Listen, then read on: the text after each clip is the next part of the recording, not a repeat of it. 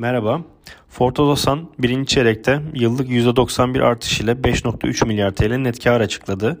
Bu dönemde 1.8 milyar TL'lik tek seferlik ek deprem vergisi nedeniyle net kar baskılanmış gözüküyor.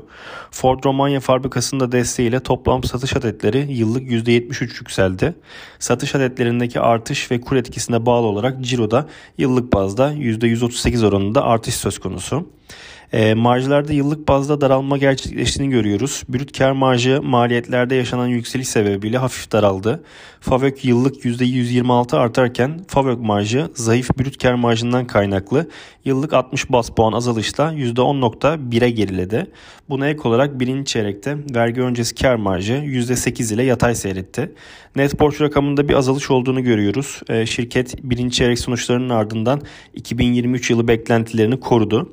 E, endeks üzeri getiri tavsiyemizi sürdürürken hedef fiyatımızda bir güncellemeye gidiyoruz. 2023 Ciro, Favök ve net kar tahminlerimizde yukarı yönlü revize gerçekleştirdik. Endeks üzeri getiri tavsiyemizi korurken 12 aylık hisse fiyatımızı 639 TL'den 722 lira 10 kuruşa yükseltiyoruz.